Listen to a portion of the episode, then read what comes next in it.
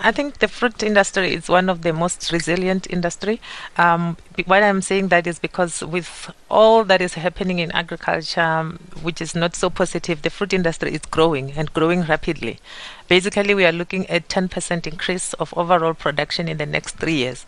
And where we are in terms of production today, we produce about 4.5 million tons of fruit annually, of which uh, 60% is exported to more than 89 countries in the world. Therefore, um, compared to other sectors of agriculture, I think there's a lot of positive that is going on, which is exciting.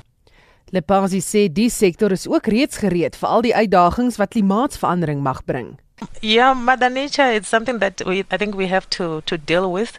The increase that I'm talking about, it's happening. I think on the um, bedside of uh, the drought that we have just experienced, which also last season we also experienced localized, for example, in terms of table grape, we saw a decrease, about 14% uh, decrease, about 5% decrease in apples.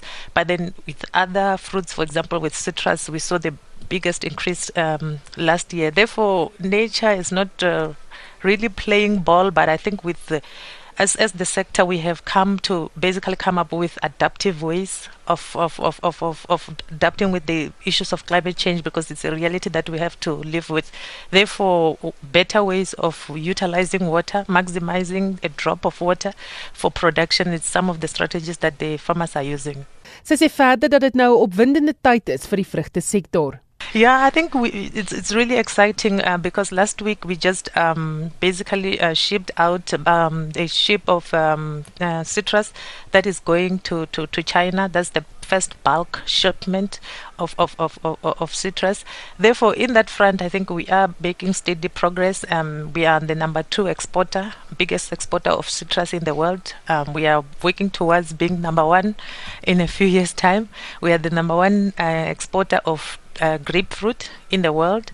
From the southern hemisphere, um, we are the biggest exporter of fruit in volume, but not necessarily in, in value, in terms of rand uh, value. Therefore, I think there's a lot of good things that are happening, but I think more can be achieved if, for example, we work very closely with government in terms of opening new markets, in terms of um, making those markets that we have access to uh, better in terms of the protocols and the things that we need to uh, comply with.